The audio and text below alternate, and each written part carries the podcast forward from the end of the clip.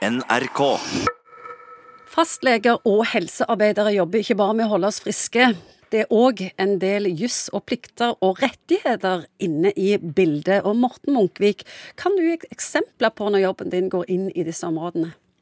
Ja, det er jo ingen som forteller deg, iallfall ikke veldig tydelig når du går på doktorskolen, at du er nødt til å eh, bli ganske fortrolig med en del lover. Man vet jo om helsepersonelloven, men eh, som fastlege så kommer man veldig ofte opp i situasjoner hvor eh, advokater, forsikringsselskap, barnevernet, Nav Døden? Ja, alle disse her. Bortsett fra død.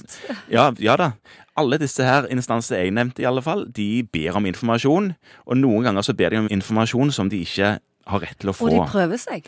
Det er lov å prøve seg, og en del vet nok ikke at de prøver seg, de bare vet ikke at de ikke har lov å spørre. Mm. Men det skjer veldig ofte. Hva er du oftest borti? Ofteste er vel når Nav spør om ting som de ikke har lov å spørre om, eller at andre aktører i det kommunale helsearbeidsteamet stiller spørsmål om en pasient som vi for så vidt har felles, men hvor det ikke foreligger samtykkeerklæring fra pasient. Fordi at det, de tenker at det her samarbeider vi, så da er det automatisk greit. Men det er ikke alltid det.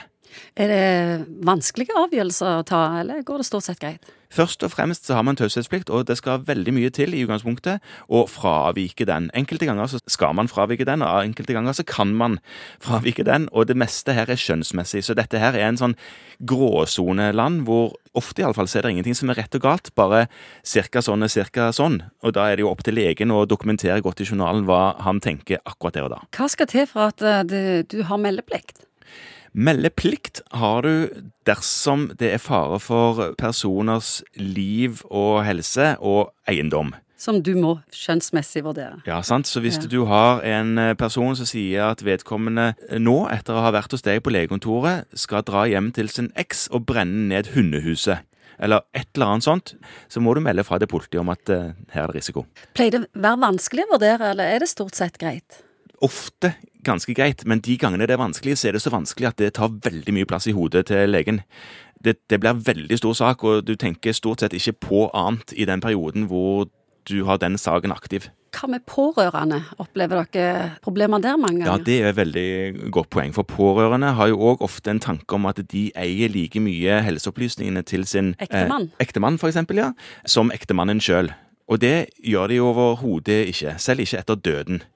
Det er ikke helt selvsagt hvem som skal holdt jeg på å si, kunne arve og få innsyn til opplysninger etter at en pasient har gått bort. Det er heller ikke helt greit rett fram. Hvordan reagerer folk da når de ikke får vite? Nei, Noen blir jo sinte da og sier at ja, men jeg er jo gift med denne mannen, eller dette her er jo min, min far, eller dette er jo min sønn. Ja, men som jeg sier, den viktigste regelen, og den som eh, står høyest, er taushetsplikten.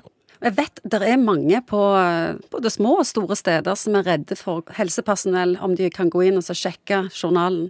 En lege har ikke rett til å gå inn i en journal og lese den, ved mindre du har eh, samtykke fra pasienten.